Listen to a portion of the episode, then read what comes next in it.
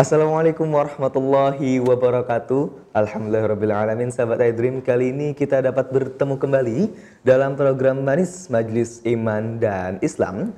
Tentunya bersama saya Fauzan Zuhdi Dan juga bersama Ustadz kita, guru kita Ustadz Abdullah Haidir. Kita sabar dulu ya. Assalamualaikum Ustadz. Waalaikumsalam. Insyaallah. Seperti biasa ya Ustaz ya, kita akan membahas kitab uh, Riyadus Solihin uh, dan kali ini pembahasannya apa nih Ustaz? Kita masuk ke bab fil mujahadah. Fil mujahadah. yakni bersungguh-sungguh dalam beramal soleh. Oke, bersungguh-sungguh bersungguh-sungguh dalam beramal soleh. Oke. Uh, tapi sebelum kita masuk ke sesi pertama, sahabat iDream, uh, saya mengajak sahabat iDream untuk bergabung dengan kami. Yang punya pertanyaan bisa langsung aja WhatsApp kita ke 082297891044 atau juga telepon kita di 0217885300. Dan juga jangan lupa anda bisa menyaksikan tayangan ini kembali di channel YouTube kita di @idreamradio. Oke, dan jangan lupa untuk like, comment, dan subscribe konten-konten kami agar bisa bermanfaat ya, bermanfaat lebih untuk teman-teman Anda, keluarga Anda, dan juga masyarakat sekitar Anda. Juga di-share ya ke teman-teman. Dan langsung aja kita masuk ke sesi pertama. uh, sesi pertama kali ini pembahasan tentang mujahadah bersama Ustadz Abdullah Haidir. Tafadhol Ustadz. Assalamualaikum warahmatullahi wabarakatuh. Waalaikumsalam. Bismillahirrahmanirrahim. Alhamdulillahi rabbil alamin. Nahmaduhu wa nasta'inuhu wa nastaghfiruh wa na'udzu billahi min syururi anfusina wa min sayyiati a'malina. Man yahdihillahu fala mudilla lah wa man yudlil fala hadiya lah. Ashhadu an la ilaha illallah wahdahu la syarika lah wa ashhadu anna Muhammadan abduhu wa rasuluhu la nabiyya ba'dah. Allahumma fasalli wa sallim wa barik ala nabiyyina Muhammadin wa ala alihi wa ashabihi wa man tabi'ahum bi ihsanin ila yaumiddin amma ba'd.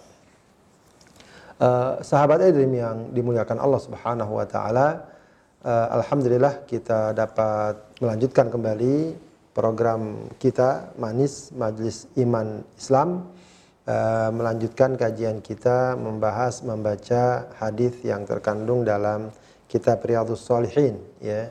Kita memang dalam setiap kitab atau setiap bab hanya mengambil satu dua hadis ya untuk uh, ya mengakselerasi kajian kita dari kitab ini ya insyaallah tidak mengurangi makna dan kandungan keseluruhan kitab ya karena pada umumnya hadis-hadis dalam satu bab juga umumnya memiliki kesamaan makna tentu saja secara substansial.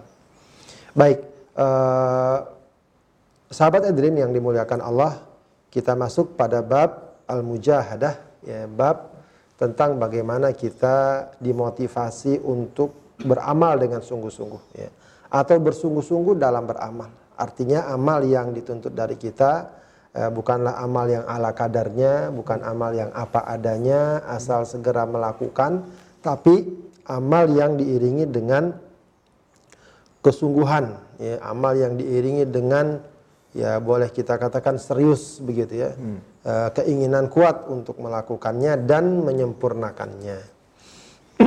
Baik, uh, hadis yang uh, salah satunya disebutkan oleh al muallif al Imam Nawawi rahimahullah di antaranya adalah hadis pertama dalam bab ini. Bismillahirrahmanirrahim. An Abi Hurairah radhiyallahu anhu qol. Dari Abu Hurairah radhiyallahu anhu dia berkata, qala Rasulullah sallallahu alaihi wasallam. Rasulullah sallallahu alaihi wasallam bersabda, "Innallaha ta'ala qala." Sesungguhnya Allah taala berfirman. Ya, kalau sudah seperti ini atau ada ungkapan seperti ini Rasulullah mengatakan Allah berfirman dalam hadisnya itu memang biasanya disebut sebagai hadis Qudsi. Hadis qudsi, ya, yaitu hadis di mana ya maknanya dari Allah, redaksinya dari Rasulullah Sallallahu Alaihi Wasallam. Ya. Ini untuk membedakan dengan Al-Quran. Kalau Al-Quran makna dan redaksinya dari Allah Subhanahu wa Taala. Apa firman Allah Subhanahu wa taala dalam hadis yang Rasulullah sebutkan di sini? Man ada li waliyan faqad adzantuhu bil harbi. Ya. Siapa yang memusuhi ya waliku ya man ada li waliyan siapa yang memusuhi waliku faqad adzantuhu bil harbi. Ya. Maka sungguh aku telah adzan. Adzan itu apa artinya? Ini orang kalau adzan maksudnya apa? Di- Dipanggil. Memberitahu. Adzan itu artinya memberi al-i'lamu. Ya, maka eh, orang yang memusuhi waliku kata Allah maka aku umumkan, aku beritahukan ya, kepadanya bil harbi perang. Eh, aku umumkan perang kepadanya. Ya. Wa ma taqarraba ilayya 'abdi. Ya, dan tidaklah ya, taqarrab ya, taqarrab itu taqarrub mendekat ilayya kepadaku abdi hambaku bisyai'in dengan sesuatu ahabba ilayya lebih aku cintai mimma aftaradtu alaihi. Ya dari apa yang telah aku wajibkan. Ya, jadi maksudnya adalah tidak ada satu ibadah takorub seorang hamba kepada Allah yang paling Allah senangi kecuali takarub itu berupa kewajiban. Per- Perkara-perkara yang diwajibkan, faridah. Ya. Wa ma yazalu abdi dan tidaklah yazal, yazal itu selalu abdi hambaku yataqarrabu ilayya bin nawafil apa yataqarrab me, apa me, bertakarub kepadaku bin nawafil eh, dengan perkara-perkara sunnah hatta uhibbahu hingga aku mencintainya. Artinya jika hambaku selalu rajin bertakarub kepadaku dengan perkara-perkara sunnah, maka aku mencintai akan mencintainya. Nah, faida ahbabtuhu kata Allah, apabila aku mencintainya, apa yang terjadi? Apa hasilnya? Kuntu sam'ahu alladhi yasma'u bihi. Aku akan menjadi pendengaran yang dia gunakan mendengar, untuk mendengar. Wa basarahu alladhi yubsiru bihi. Dan penglihatannya dia gunakan untuk melihat. Wa yadahu allati yabtishu biha. Tangannya digunakan untuk memukul, menyentuh, ya, memberikan beraktivitas. Wa rijlahu alladhi lati yamshi biha dan kakinya yang dan aku akan menjadi kakinya yang dia gunakan untuk berjalan. Wala in sa'alani la u'tiyannahu. Kalau dia minta kepadaku, aku akan niscaya aku akan memberikannya. La u'tiyan la-nya di sini lamut taukid menunjukkan kesungguhan, kepastian. Niscaya aku akan memberikannya. Wala in ista'adani la u'idannahu. Kalau dia minta perlindungan kepadaku, niscaya aku akan lindungi di dia. Rawahul Bukhari, hadis riwayat Bukha- Bukhari. Ya. Eh, sahabat Edrim yang dimuliakan Allah Subhanahu wa taala, hadis ini adalah hadis yang sangat agung tentu saja. Eh, sering dikutip ya, sering disampaikan oleh para ulama, para penasehat. Eh, tentu saja agar kita mendapatkan inspirasi, nasihat yang berharga dari hadis ini. Ya, hadis ini eh, menunjukkan bagaimana Allah sangat mencintai walinya. Sampai-sampai apabila ada yang memusuhi wali Allah, maka itu berarti seakan atau maknanya dia memusuhi Allah. Begitu ya. Dan kalau dia memusuhi Allah, tentu saja Allah akan memusuhinya dan ya bahkan di sini digambarkan dengan mengumumkan perang kepadanya. Ya. Para ulama sampai menggambarkan ini merupakan eh, apa istilahnya al-wa'idus syadid, ancaman yang keras bagi mereka yang memusuhi wali Allah. Wali Allah. Nah, siapakah wali Allah itu? Ya, siapakah wali Allah? Ya kadang memang selalu tergambar bagi kita atau di sebagian masyarakat yang namanya wali adalah orang yang begini dan begitu dengan gambaran-gambaran yang sangat apa istilahnya spesial atau bahkan mungkin fantastis ya dengan segala hal-hal yang sangat luar biasa dan seterusnya. Sebenarnya eh, yang disebut wali Allah itu Allah juga sudah jelaskan dalam Al-Qur'an dan juga dalam hadis ini ya, cukup sederhana. Ya dalam surat Yunus misalnya ayat 62 63 Allah katakan ala Inna awliya Allahi la khaufun alaihim walahum yahzanun.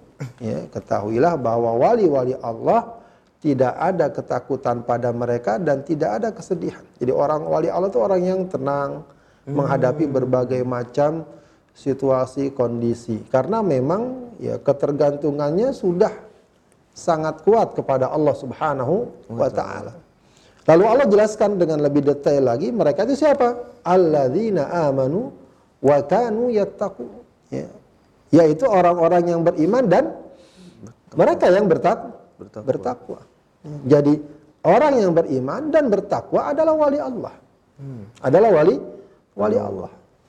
Maka dengan demikian sebenarnya derajat wali Allah itu adalah derajat atau makomun muktasab.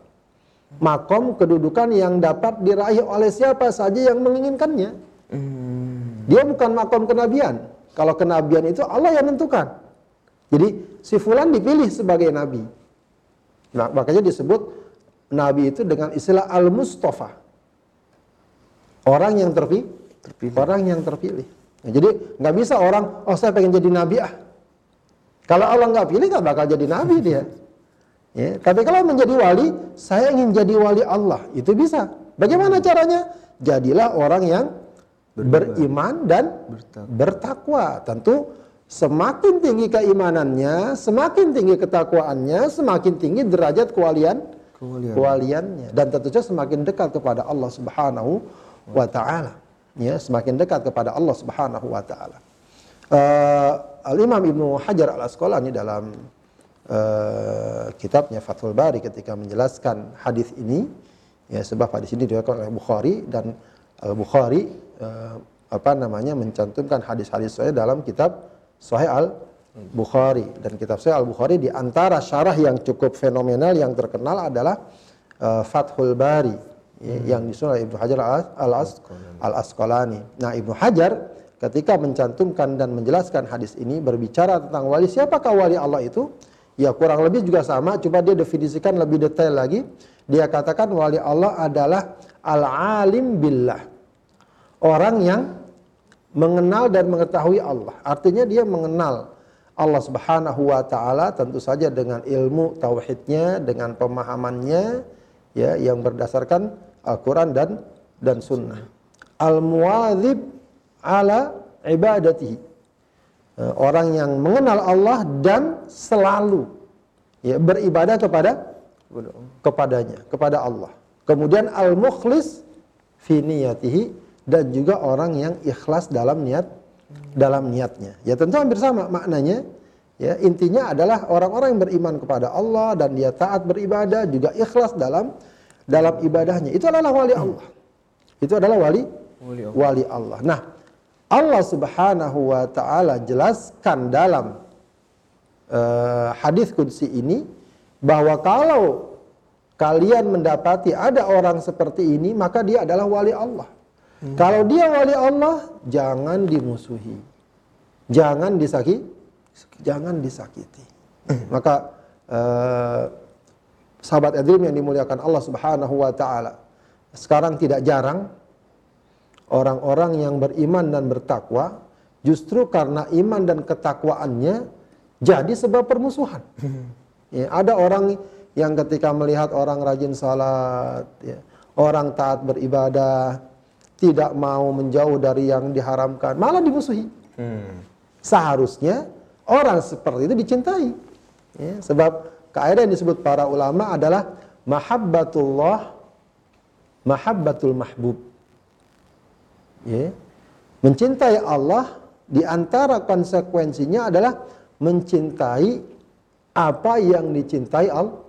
Allah. Ya. Atau uh, apa namanya mahabbatullah artinya adalah mahabbatu man ahabballah wa mahabbatu ma ahabballah ya hmm. mencintai Allah artinya mencintai apa yang siapa yang Allah cintai hmm. dan mencintai apa yang Allah cintai jadi siapa yang Allah cintai tentu saja orang-orang mulia para nabi, para rasul, para sahabat, para ulama, salafus soleh, dan orang-orang soleh yang kita dapati.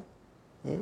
Semakin dia tampak kedekatannya kepada Allah, hmm. mestinya semakin cinta kita kepada Allah. kepada Allah ya, dan kepadanya tentu saja. Ya. Kemudian juga mencintai apa yang Allah cintai. Cintai juga amalan-amalan yang sudah Allah ajar, ajar. ajarkan. Jangan sampai kebalikannya. Ya. Kebalikannya malah kita benci, maka itu menunjukkan kebencian kepada Allah. Ya, maka kebalikannya bughdullah adalah apa? bughdu man ahabba bughdu man ahabballah wa bughdu ma ahabballah ya e, membenci Allah ya. membenci Allah artinya apa adalah membenci siapa yang Allah cintai jadi orang nggak bisa mengatakan saya kalau dia nggak suka, saya cinta sama Allah. Lah, kalau cinta sama Allah berarti cinta sama siapa yang Allah cinta cintai. cintai. Kalau anda benci, ya, itu diakui atau tidak, langsung atau tidak langsung, maknanya adalah anda membenci Allah Subhanahu wa taala atau membenci apa yang Allah cintai. Sudah amal-amalan soleh, perbuatan-perbuatan yang baik itu semuanya Allah cintai. Mestinya kita mencintai mencintainya. Ya. Maka kalau ada orang seperti ini, ada orang yang memusuhi wali Allah dan ini bentuknya sekarang macam-macam baik secara fisik ya, hmm. ya, secara moral ya sekarang tidak jarang ada istilah kriminalisasi ulama hmm. begitu ya ada kesan seperti itu atau intinya pokoknya dengan berbagai macam cara ya apakah dengan wewenangnya dengan kekuatan fisiknya dengan kekuatan ekonominya dia membenci para ulama atau orang soleh atau orang-orang yang dekat kepada Allah Subhanahu wa taala. Begitu ya. Atau sekarang juga naudzubillah ya, e, sering tidak jarang ada e, fitnah ya, perkara-perkara yang memojokkan hmm. para ulama. Bahwa para ulama atau orang-orang soleh pasti juga bukanlah malaikat, bukanlah nabi. Ya, mereka pun mungkin ada salahnya. Ada kekeliruannya, ada aibnya. Cuma sering kali didapati Aib-aib tersebut malah sengaja dibongkar, sengaja diperbesar, kadang ditambah-tambah, dibumbu-bumbui, hmm. ya, seakan e, dengan itu tujuannya menjatuhkan kredibilitas orang-orang mulia sehingga masyarakat menjadi tidak percaya atau ikut-ikutan memusuhi, memusuhi ini jangan sampai e, terjadi tentu saja. Nah, kalau terjadi maka Allah katakan faqad adzantuhu bil harbi. Sungguh aku akan me mengumumkan perang kepadanya. Artinya Allah sangat marah. Allah sangat mur murka dan kalau Allah murka ya konsekuensinya tanggung sendiri. Hmm. Begitu ya. Kalau Allah murka, penguasa dan pemilik alam ini murka kepadanya, ya, maka pastilah akan dia dapati kehidupan yang sengsara. Ya, tidak di dunia, pasti di akhirat. Kadang sering di dunia pun sudah menghadapi berbagai macam kesengsaraan buah dari permusuhannya kepada wali Allah kepada wali Allah. Uh, kemudian Allah Subhanahu wa taala menjelaskan lebih rinci lagi dan ini juga oleh para ulama dianggap sebagai penjelasan tentang siapakah wali Allah ya. Uh, dalam hadis ini pun uh, tersirat apa namanya gambaran tentang siapa wali Allah. Allah katakan wa ma taqarraba ilayya 'abdi bi syai'in ahabba ilayya mimma aftaratu mimma aftaratu alaihi ya, dan tidaklah seorang hamba hambaku bertakarub kepadaku dengan sesuatu yang lebih aku cintai kecuali sesuatu itu adalah aku yang aku fardukan. Hmm. Jadi uh, hamba Allah atau wali Allah adalah dia yang selalu bertakarub kepada Allah dengan perkara yang Allah wajib wajibkan. Ya. Nah, eh, kata-kata uh, al-wali itu para ulama mengartikan makna dasarnya apa? Al-qurubu. Dekat. Oh, Ya, makanya wali ini juga berlaku antara Allah kepada hambanya dan hamba kepada Allah. Hmm. Jadi uh, Allah adalah wali orang beriman. Allahu waliyul mukminin. Ya. Allah waliyul mukminin. Orang beriman adalah wali Allah.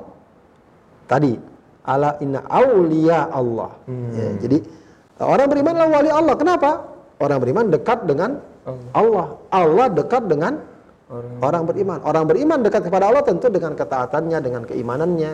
Allah dekat dengan orang beriman dengan apa? Dengan pertolongannya, dengan hidayahnya, hmm. ya, dengan pengawasannya, begitu. Nah, uh, tentu uh, di sini wali Allah adalah dia yang selalu melaksanakan apa yang Allah wajibkan.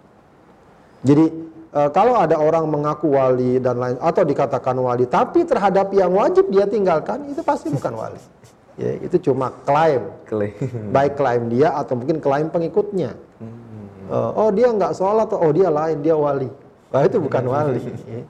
Gitu. Ada misalnya, oh dia minum khamer. Misalnya, oh dia mah beda, dia wali. Nah itu salah. Ya. Nggak benar, nggak mungkin benar. Kenapa? Karena dia meninggalkan apa yang Allah wajibkan atau melakukan apa yang Allah haram haramkan. Padahal di sini Allah katakan tidak ada takarrub yang paling aku cintai dari hambaku kecuali takarrub yang berupa apa yang aku wajib wajibkan. Bukan hanya itu, ya, dan ini yang juga nanti masuk dalam bab mujahadah. Ya. Hmm. Dia tidak hanya mencukupi diri dengan perkara yang Allah wajibkan. Wa ma yazalu abdi yataqarrabu ilayya bin nawafil hatta uhibbah.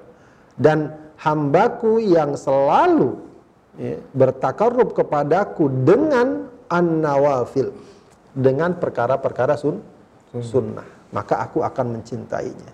Ya, ini inilah yang uh, boleh dikatakan masuk dalam bab ini. Kenapa Imam Nawawi mencantumkan hadis ini dalam bab bab mujahadah? Hmm. Karena gambaran kesungguhan seseorang dalam ibadah, dia tidak hanya mencukupkan diri dengan perkara-perkara yang diwajibkan, dengan perkara-perkara yang yang fardu ya sebagaimana juga Allah eh, isyaratkan dalam surat Fatir ayat 32 terkait mereka-mereka yang mendapatkan uh, kitab, mendapatkan ajaran Allah Subhanahu wa taala, maka kata Allah Subhanahu wa taala, "Faminhum dzalimun li nafsi." Ada di antara mereka yang zalim kepada dirinya. Maksudnya adalah tidak menerima apa yang Allah perintahkan atau melanggar apa yang Allah larang. Yang kedua, wa minhum muqtasid. Ada yang apa? Iktisad. Kalau iktisad bahasa Arabnya apanya? Hemat, irit. Oh pas-pasan. Hmm. Ya ibadah sekedar oh. yang wajibnya aja. Puasa ya Ramadan doang. Hmm. Ya, kalau yang sunnah-sunnah dia malas. Nah, sekarang ini kan kita berada di uh, hari Tasua ya, hari apa? bulan Muharram tanggal 9 dan seterusnya. Hmm. Itu juga di uh, disunnahkan. Ya. Berpuasa artinya puasa Senin Kamis, puasa yang lain pada hari-hari yang mulia, hari Asyura, hari Arafah, puasa enam hari, puasa Ayyamul Bid, itu dia lakukan juga begitu ya tidak uh, tidak hanya puasa Rama, Ramadan. Ramadan itu namanya uh, itu namanya sabikum bil khairat eh? kalau tadi muktasid sekedarnya sholat sekedarnya hmm. kalau orang yang ingin mendapatkan kemuliaan lebih maka dia sabikum bil khairat dia orang yang berlomba dalam kebaik kebaikan inilah yang disebut dengan mujahadah ya jadi dia tidak hanya cukup sekedarnya atau sekedar menggugurkan kewajiban tidak ya ini yang uh, Allah Subhanahu wa taala janjikan kalau sudah seperti itu maka Allah akan mencintainya. Ya. Jadi ini jangan dipotong, jangan di apa? Jangan dipahami sepotong ya. Kenapa? Karena bisa jadi orang paham, oh kalau gitu kalau kita melakukan sunnah Allah cinta sama kita. Maksudnya adalah melakukan sunnah setelah melakukan yang wajib, begitu ya. Jangan sampai dibalik. Ya, gara-gara sibuk melakukan sunnah meninggalkan yang wajib. Yang wajib. Ya. Hmm. Jadi kalau orang melakukan wajib eh, sibuk karena melakukan yang wajib meninggalkan yang sunnah masih mungkin. Hmm. Paham nggak? Paham, paham. Tapi kalau sibuk melakukan yang sunnah meninggalkan yang wajib itu nggak boleh. Ya, maka ada ungkapan yang cukup bagus di kalangan para ulama, e, man syagolahu e, al fardu anin nawafil fahuwa ma'dur. Orang yang disibukkan ya, dengan perkara fardu sehingga meninggalkan perkara sunnah maka dia ma'dzur. Dia apa istilahnya e, ma'dzur. E, ma'dzur itu e, apa apa ya dapat dispensasi. Hmm. dapat dispensasi. Apa misalnya misalnya katakanlah e, dia puasa Ramadan karena puasa Ramadan mungkin capek ya e, biasanya dia baca Quran banyak jadi sedikit hmm. gitu ya jadi karena sibuk dengan uh, perkara yang wa wajib. perkara yang wajib begitu ya atau juga misalnya eh, ini apalagi si Ojan nih sibuk kuliah hmm. gitu kan belajar hmm. ya karena sibuk belajar eh, apa namanya sempat lupa ya katakanlah sholat sunnahnya segala macam. Begitu ya. Meskipun juga bukan berarti wah kalau gitu asik nih nggak pernah sholat sunnah. Tidak ya. Maksudnya bisa jadi kondisi tertentu. Tertentu ya, itu ma'zur. Tapi kalau waman syawalahun nawafil anil faraid fahuwa magrur. Ya. Maghrur. Orang yang disibukkan dengan sunnah, tapi meninggalkan yang fardu, dia itu terpedaya. Begitu. Terpedaya. Seakan-akan dia melakukan sesuatu yang besar, padahal dia meninggalkan yang lebih besar. Paham nggak? Ya, dia sibuk sholat puasa sunnah misalnya, puasa Ramadannya kagak. Gitu ya. Atau misalnya dia sibuk puasa sunnah, tapi dia ya maaf ya apa namanya ya, misalnya durhaka sama orang tua gitu kan itu kan fardu kan taat sama orang tua fardu ya dia sibuk ngaji baca Quran tapi misalnya dia meninggalkan kewajibannya untuk katakanlah eh, bayar hutang lah ini dan lain sebagainya dan lain sebagainya jadi ini maksudnya adalah yang fardu dia lakukan lalu dia tambah dengan yang Yang sunnah. sunnah makanya nawafil eh, nafilah ya, itu dalam dalam bahasa Arab perkara sunnah disebut nafilah Nafilah.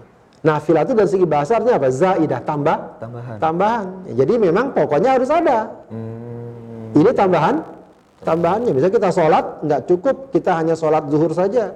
Kita tambah dengan rawatibnya qobliyahnya ba'diyahnya sholat subuh juga misal dengan qobliyahnya ya. Itu begitu. Sholat eh, puasa juga seperti eh, seperti itu. Ada juga fungsi nawafil atau amalan sunnah ini apa fungsinya? Untuk menambal Eh, ada dalam suatu riwayat apa namanya eh, Allah memerintahkan malaikat untuk eh, mengecek bagaimana perbuatan-perbuatan fardunya. Cek hambaku itu catat. Ya, kalau ada kekurangan cek sunnahnya. Kalau masih dia melakukan sunnah maka kekurangan yang fardu dapat ditam Ditambah. dapat ditambah. Nah yang repot udah yang fardunya banyak kurang sunnahnya nggak ada. Gitu ya. Mau nambah pakai apa? Gitu ya. Mau nambah pakai apa nah ini juga eh, satu pelajaran yang sangat berharga bahwa janganlah kita eh, membatasi diri hanya mencukupi diri dengan hal yang fardu tapi lakukan pula yang sun yang sunnah. dan orang kalau sudah melakukan yang sunnah itu menunjukkan kecintaan. Menunjukkan kalau bahasa kita loyalitas. Ya, bisa. Katakanlah eh, di kantor ya, orang tugas wajibnya ada kan, Iya. tapi ada tugas-tugas yang sebenarnya kalau dia laku tidak lakukan juga tidak tidak apa tidak diancam apa-apa. Cuma kalau dia lakukan senang perusahaan gitu kan, lebih untung. Nah kalau ada orang melakukan satu tugas selain yang wajib, dia tambah juga dengan perbuatan yang dapat menguntungkan. Wah padahal dia nggak wajib, senang nggak kira-kira kantor? Senang. senang dan orang itu, dan itu juga kenapa karena orang juga menunjukkan loyali loyalitas ke- eh, kecintaannya maka dia berhak dicintai misalnya walillahil masalul ala Allah lebih dari itu Ya, artinya jika ada hamba yang tidak hanya cukup dengan perkara wajib saja perkara sunnah pun itu menunjukkan bahwa hamba itu cinta loyal begitu nah padahal kalaupun dia tidak lakukan nggak dosa Hmm. Ya, iya kan? Kalau kita sholat zuhur, sholat zuhur mungkin kadang kita malas, tapi kepikiran dosa. Iya. Tapi kalau sholat rawatibnya, ya, kalau kita malas mungkin aja ah nggak dosa ini udah nggak usah rawatib. Tapi kalau orang cinta, ah sayang, loyal, cinta bukan masalah dosa enggak, ya, tapi memang karena ini memang perbuatan yang Allah cintai, maka saya laku, Lakukan. saya lakukan. Gitu. Baik. Eh, fa ya ahbabtuhu kuntu sam'ahu alladhi yasma'u bihi wa basarahu alladhi yubsiru bihi wa yadahu alladhi yabtishu biha wa rijlahu allati yamshi biha wa la in sa'alani la utiyannahu wa la in ista'adani la rawahul bukhari ya eh, bagian dari hadis ini juga agak riskan juga Ya. kenapa karena konsekuensinya adalah kalau Allah sudah cinta Allah akan jadi pendengarannya jadi penglihatannya jadi tangan untuk bergerak eh, memukul kaki untuk berjalan nah ini kalau kurang-kurang dipahami dengan baik bahaya. Iya. Oh, kalau begitu Allah dalam diri kita. ya, ini yang kemudian eh, sempat eh, ada keyakinan apa Allah menyatu dalam diri manusia Ya, atau bahwa apa istilah kalau di Jawa itu manunggaling apa gitu ya. Manunggaling artinya Allah menyatu atau kalau dalam di, pernah terjadi di dalam sejarah Islam ada aliran namanya al-ittihad kalau. Allah menyatu menyatu dalam diri manusia. Jelas itu pemahaman yang tidak benar. Karena Allah berbeda dengan makh- makhluk. Itu kaidah yang sudah Allah tegaskan. Laisa kamitslihi syai syai'un. Allah berbeda dengan makhluk. Allah tidak melahirkan, tidak pula dilahir dilahirkan. Allah bukan makhluk, makhluk tentu bukan Allah, bukan Allah. Tidak ada istilah Allah menyatu dalam diri makhluk. Ya. Maka uh, hadis ini harus dipahami secara tepat dan itu tentu saja para ulama telah menjelaskannya. Ini pentingnya seseorang memahami berdasarkan penjelasan para ulama para ulama ya, ya. dan lagi-lagi uh, dalam misalnya tadi Fathul Bari syarah Fathul Bari juga ada syarah Al-Baghawi eh, dalam Minhajus Sunnah dan beberapa syarah yang lain itu menunjukkan bahwa yang dimaksud di sini ada beberapa hal ya. yang bisa saya simpulkan maknanya adalah pertama ya pertama maknanya adalah at-taufik taufik artinya apa Ketika Allah sudah mencintai seseorang, maka Allah akan mengarahkan, membimbing pendengarannya, penglihatannya, tangannya, kakinya kepada segala sesuatu yang Allah ridhoi. Hmm. Jadi kalau dia mendengar, dia mendengar dengan yang, ba yang, yang baik. baik. Dia kalau dia melihat, dia akan selalu diarahkan untuk melihat yang baik. Kalau ada perkara buruk, dia akan dihindari. Baik dihindari dari kesadarannya atau memang dari kondisi-kondisi tertentu. Hmm. Ya, itu namanya at-taufik. Ya, jadi diarahkan, dibimbing untuk ya, menggunakan panca inderanya ya, atau anggota tubuhnya kepada sesuatu yang Allah ridho, yang Allah ridho. Jadi buah dari amal itu sesungguhnya, ya, artinya buah dari amal kita, buah dari ibadah kita, artinya apa? Memudahkan kita untuk beramal lagi dan memberatkan mempersulit kita dari kemaksiat kemaksiatan. kemaksiatan. Kebalikannya, buah dari kemaksiatan adalah kemaksiatan berikutnya. Hmm. Ya, makanya ada seorang datang kepada saya, katanya kalau orang suka maksiat diazab. Saya merasa biasa-biasa saja, gitu ya. E, kata syekhnya, kamu diazab, cuma kamu nggak merasa. Apa azabnya? Azabnya adalah kamu semakin dipersulit dari amal soleh. Amal soleh. Artinya perbuatan kamu semakin jauh menyimpang dari amal soleh. Itu azab sebenarnya, cuma kamu nggak merasa. Hmm. Sebagaimana kita kalau beramal, itu akan mendorong kita untuk beramal lagi. Itu sebenarnya sudah merupakan nikmat dari Allah Subhanahu wa taala. Ya. Itu yang pertama, maknanya adalah taufik. Yang kedua, yang disebutkan para ulama maknanya adalah uh, qadaul hajah. Artinya akan dibantu untuk memenuhi segala hajat hmm. ya, yang diinginkan dari anggota tubuhnya. Ya, dia mendengar hajatnya apa, mendengar tentu yang menyenangkan, yang baik, akan Allah bantu. Hmm. Ya, pandangannya apa yang dia butuhkan dengan pandangannya akan Allah bantu, akan Allah bantu, akan Allah penuhi hajatnya dengan tangannya, dengan kakinya akan Allah penuhi hajat, hajat. Kemudian yang ketiga maknanya juga adalah al uh, apa namanya ar-riayah ya, wal apa namanya uh, wal hifz yaitu dipelihara, dilindungi. Ya, pendengarannya, matanya, tangannya akan dilindungi. Tentu dilindungi dari segala sesuatu yang bu buruk. yang buruk. Ya, jadi itu maknanya. Ya, jadi maknanya jangan sekali-kali kita katakan uh, dalam pendengaran kita ada Allah. Dan maknanya demikian. Allah yang jelas selalu memantau hambanya dengan penglihatannya, dengan perhatiannya, dengan pertolongan pertolongannya. Nah, bukti lagi bahwa hadis ini bukan memberikan makna bahwa Allah da, e, masuk dalam diri manusia atau menyatu dalam diri manusia adalah e, hadis berikutnya atau e, firman Allah berikutnya. Apa kata Allah? Wala in sa'alani la Ya, kalau dia minta kepadaku, aku akan berikan. Hmm. Ya, padahal ini menunjukkan apa? Menunjukkan bahwa hamba Allah berbeda dengan Allah. Ya. Kenapa? Kalau seandainya Allah menyatu dalam diri hamba, dia nggak perlu minta sama Allah. Paham nggak? Kalau seandainya wala ini ista'adzani kalau dia minta tolong kepadaku, aku akan memberikan pertolongan. Kalau seandainya Allah menyatu dalam dirinya, dia nggak perlu minta pertolongan sama Allah. Kalau dia sudah menyatu dalam dirinya, Allah sudah menyatu dalam dirinya. Ini menunjukkan apa? Menunjukkan bahwa uh, hamba Allah berbeda dengan Allah. Dan uh, hadis sebelumnya bukan menunjukkan bahwa Allah menyatu dalam diri seorang ham, hamba. Tapi maksudnya Allah membimbing, Allah melindungi, Allah menolongnya untuk memenuhi segala hajatnya yang diinginkan oleh anggota tubuh, oleh anggota tubuhnya. Nah, itulah uh, makna hadis ini secara keseluruhan yang salah satu apa namanya intinya adalah uh, kita dituntut untuk mujahadah. Ya, dalam arti mm, bersungguh-sungguh menunaikan kewajiban-kewajiban yang telah Allah tetapkan kepada kita dan juga tidak hanya sampai di situ bersungguh-sungguh melaksanakan perkara-perkara sunnah ya yang Allah sunnahkan yang disunahkan dalam Islam. Meskipun tidak berdosa kalau dia tinggalkan tapi mendapat pahala kalau dilaku, dilakukan. Makanya ada seseorang yang mengungkapkan mestinya sunnah itu juga jangan kita pahami begitu sebab kalau dipahami melakukan dapat pahala nggak melakukan tidak dapat dosa orang masih kepikiran ah nggak apa-apa nggak dosa ini mestinya pahaminya juga eh, kalau melakukan dapat pahala, kalau meninggalkan rugi. Hmm. rugi. Ibarat orang, nih siapa yang mau duit nih satu juta, lima juta, sepuluh juta, gitu kan, hmm. buat modal usaha, gitu kan? Kalau dia nggak ambil, dia nggak disalahin, paham nggak? Hmm. Ya.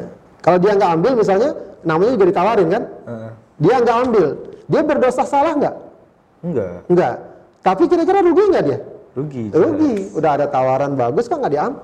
Nggak diambil ya. Lain halnya kalau ini kalau nggak ngambil penjara, mungkin aja orang terpaksa kan.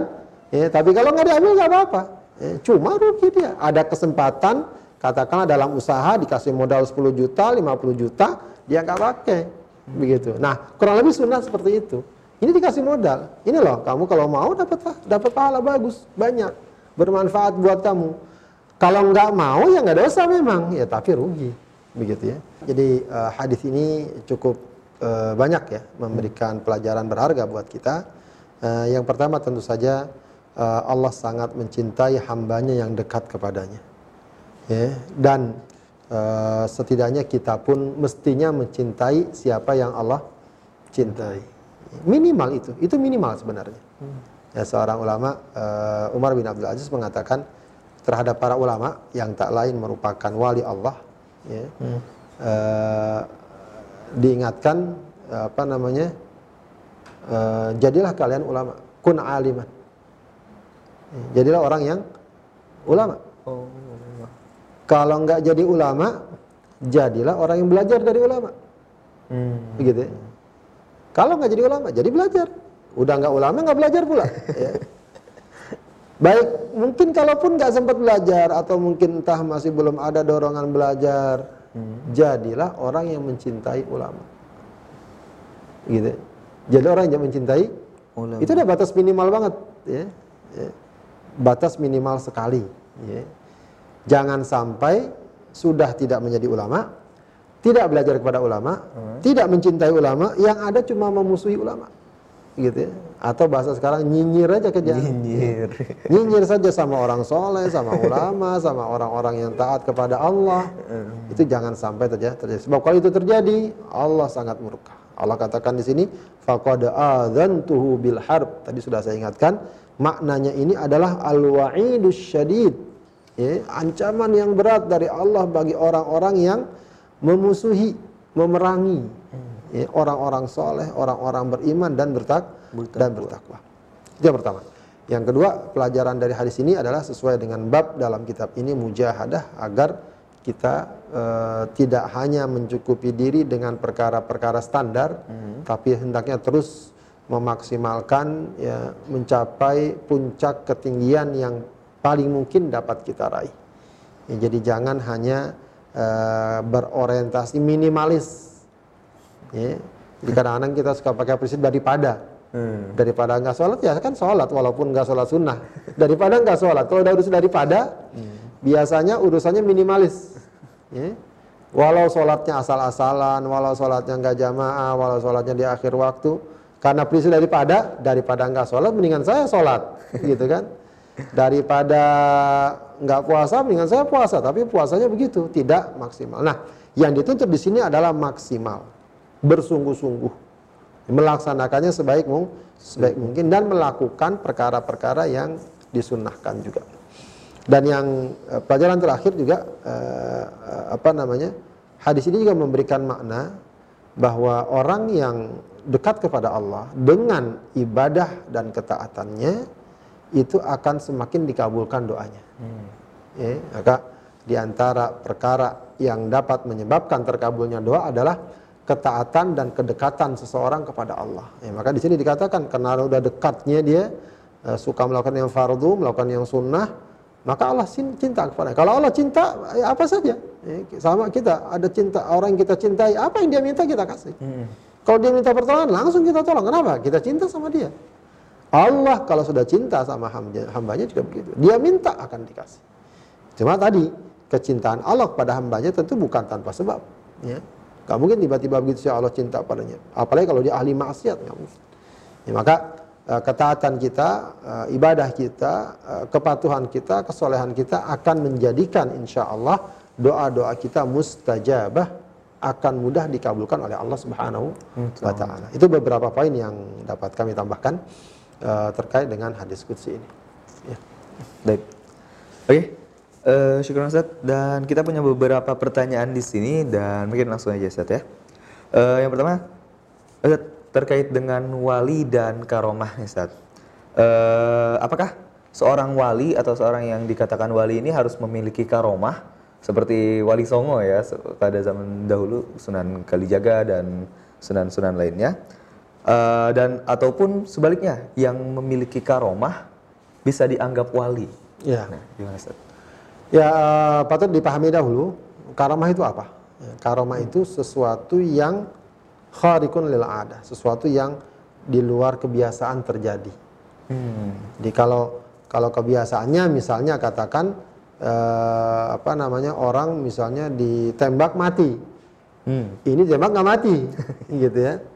Nah apakah itu karomah? Secara umum karomah adalah perkara yang e, terjadi di luar kebiasaannya, namun ya, terjadi pada orang soleh, hmm. pada orang yang bertak bertakwa. Ya. Jadi e, tidak serta merta e, kalau ada terjadi sesuatu yang luar biasa lalu dianggap karomah. kalau ternyata orangnya kafir, bukan karomah. Hmm. Sebab karomah itu dari mana kemuliaan. Ya. Hmm. Ya. Eh, kalau terjadi pada orang yang nggak pernah sholat, orang yang nggak dikenal ibadah ketaatannya, tidak serta merta bisa kita katakan karomah. Jadi nggak segala sesuatu yang apa namanya istilah fantastis sekarang ya, hmm. uh, terjadi di luar kebiasaan, lalu kita katakan karomah tidak. Karomah adalah kejadian luar biasa yang Allah kehendaki pada diri seorang hamba karena keimanan dan ketakwaannya. Hmm. Karena keimanan dan Ketakwaan. ketakwaannya. Mungkin contoh yang dijelaskan dalam Al-Quran, misalnya terjadi pada uh, Maryam iya. yang mengandung tanpa seorang suami. Itu karomah. Kenapa? Karena dia dikenal sebagai orang yang tak Takwa. orang yang bertakwa, ya, sebagai orang yang yang bertakwa. Nah, catatan lagi tadi uh, selain nabi. Hmm. Orang soleh selain na, selain nabi. Selain nabi. Kenapa? Karena kalau nabi tidak dibilang karamah tapi mu'jizat. Mu'jizat itu tingkatnya lebih tinggi lagi, ya, lebih dahsyat lagi mu'jizatnya. Kalau karamah di bawah. Hmm. Eh, bukan bukan nabi. Ya, atau seperti karomanya misalnya Ashabul Kahfi yang tidur 300 tahun, begitu. Itu Ashabul Kahfi. Atau juga pernah dilihatkan masa sahabat ada sahabat yang berjalan dengan kayu kemudian kayunya itu terang menerangi jalannya. Begitu ya. Uh, itu karomah. Ya. Dan banyak kisah-kisah salafus soleh uh, ada karomah-karomah yang diceritakan. Akan tapi juga memang patut dipahami bahwa karomah itu pemberian Allah begitu saja, bahkan tiba-tiba. Hmm. Bukan sesuatu yang bisa dipelajari. Bukan sesuatu yang bisa disiasati. Oh, kalau pengen dapat karomah begini begini begini caranya itu enggak. ya. Tapi begitu aja pemberian Allah yang boleh jadi nggak terulang. Hmm. Tidak terulang. Misalnya dia di medan perang dekat dengan pasukan kafir di pedang di apa dia nggak meninggal atau dia selamat itu bisa jadi karomahnya atau dia jatuh dari pesawat dia nggak apa-apa misalnya hmm. bisa jadi begitu ya tapi nggak bisa diulang hmm. ya karena memang uh, hanya Allah ingin berikan untuk menunjukkan kemuliaannya dan tentu saja kebesaran Allah Subhanahu wa taala. Baik. Uh, terkait dengan wali, apakah wali harus identik dengan karomah? Apakah yang namanya wali kalau dia punya karomah, kalau enggak karomah bukan wali tidak. Hmm. Ya, Allah menyebutkannya dalam Al-Qur'an, wali standarnya jelas beriman bertakwa. Nah, tadi Ibnu Hajar juga menjelaskan wali Allah adalah orang yang uh, mengenal Allah, selalu beribadah dan ikhlas dalam niatnya. Nggak kait nggak ada kaitan dengan karo Karomah. karomah. Artinya ya tidak setiap wali itu punya karo karomah atau mengalami karomah. Tapi memang kebalikan kan bisa terjadi karomah hanya dimiliki oleh para wali. Begitu. Kalau ada karomah berarti dia wali. Tapi memang karomahnya yang bagaimana dan orangnya bagaimana. Begitu ya. Yang tadi kita sebutkan. Kalau ada orang misalnya eh, nggak pernah sholat, nggak ini, lalu memang dia mungkin terjadi sesuatu yang fantastis, itu bukan karomah. Ya, bisa jadi dari jin, setan, atau kalaupun dari Allah itu namanya istidraj, ya, agar dia itu eh, diulur gitu dengan kemaksiatan dan kemungkaran dan kemungkarannya. ya. Bahkan eh, ada satu ungkapan eh, dalam tafsir Ibnu Katsir, entah saya lupa ya, apakah Ibnu Katsirnya langsung begitu atau dia juga mengutip dari ulama yang lain, dia mengatakan bahwa jika ada engkau lihat seseorang bisa berjalan di atas air, terbang di udara, jangan takjub dulu. Oh, ini orang hebat, ini hebat, ini wali segala macam. Jangan takjub dulu sebelum melihat istiqomahnya terhadap syariat Allah. Gitu, paham nggak? Jadi nggak mesti tiba-tiba oh dia wali tidak. Lihat dia sholatnya gimana, kehidupannya gimana. Kalau ternyata orangnya nggak pernah sholat, dia entah ke mana atau melakukan keyakinan apa, walaupun kelihatan fantastik itu bukan karo, bukan karomah. Ya, makanya ada satu ungkapan juga yang sangat bagus, al istiqomah khairu min alfi karomah. Istiqomah di jalan Allah, syariat segala macam dijalan, dijalani dengan baik, itu lebih baik dari seribu karomah. Artinya, eh, janganlah seseorang merasa oh apa namanya ibadah dia agar dapat kelebihan-kelebihan yang istimewa tidak. Yang penting dia konsisten, dia istiqomah di jalan Allah itu sudah segala-galanya. Ya, itu sudah segala-galanya. Jadi kesimpulannya tidak mesti seorang wali ada karomah. Begitu ya. Jadi oh dia bukan wali kenapa nggak ada karomahnya? Ya, kalaupun ada karomahnya tak lain karena istiqomahnya itulah karomah. Gitu ya. Itulah kemuliaan bagi baginya. Wallahu a'lam. Pertanyaan selanjutnya ini eh hadir kadang-kadang ya atau bahkan sering juga nih Ustaz Kenapa? untuk kita masyarakat masyarakat eh, kita orang yang kadang-kadang kita lagi semangat semangatnya ibadah kita istilahnya bermujahadah atau bersungguh-sungguh dalam ibadah tapi tiba-tiba nggak tahu kenapa tiba-tiba langsung males gitu saat besoknya mungkin. Dan akhirnya ketika habis males biasanya kita eh, stop dulu sampai seminggu bahkan misal jangka waktunya. Dan baru habis itu muncul lagi eh, semangat dalam beribadah atau bahkan bersungguh-sungguh dalam beribadah ini. Ini gimana Ustaz? Ya ini sebenarnya satu perkara yang eh, bukan perkara asing, ya.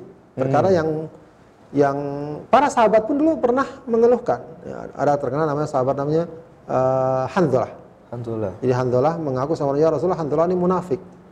Kenapa munafik? Iya kami kalau ada di hadapan kamu seperti melihat surga neraka.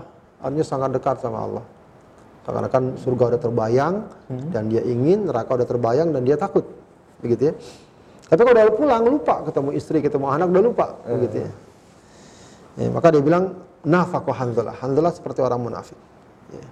Eh, tapi kata Rasulullah ya itu wajar ya. Eh, pemahamannya. ya. Nah, sebab kalau kamu seperti itu terus ya kamu malaikat, disalamin malaikat begitu ya.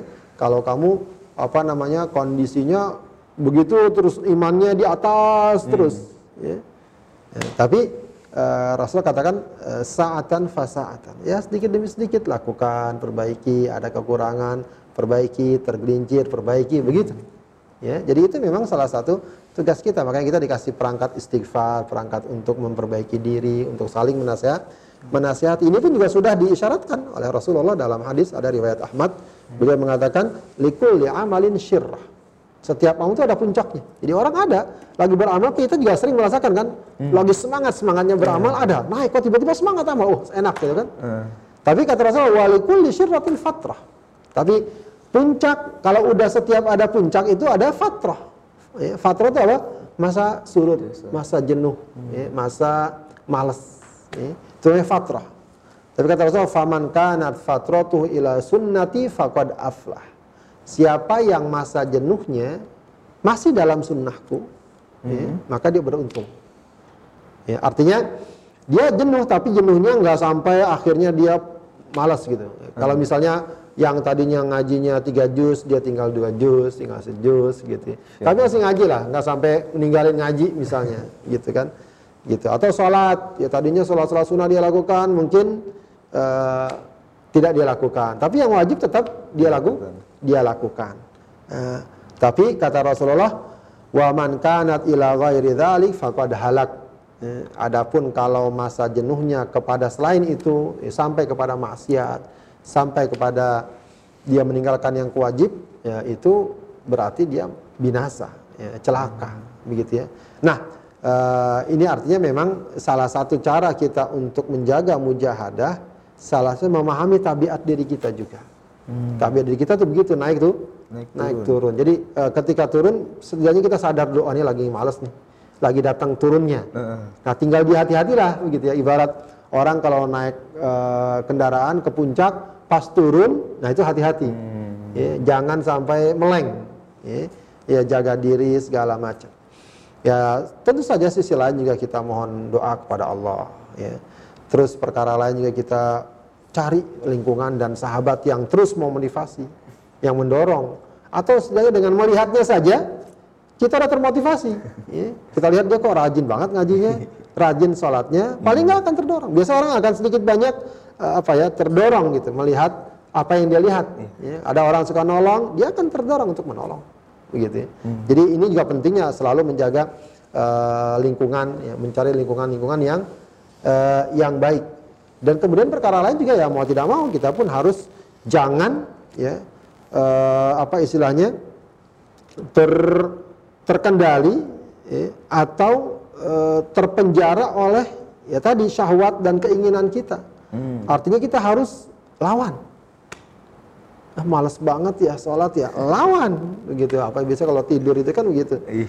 enak aduh pas sholat subuh lawan ya. jangan kalau bahasa kita dihentakkan jangan cuma kita nunggu kapan kita semangat nah namanya mujahadah ini juga memang intinya jangan nunggu peluang tapi harus cari peluang cari kesempatan mujahadah. Begitu ya.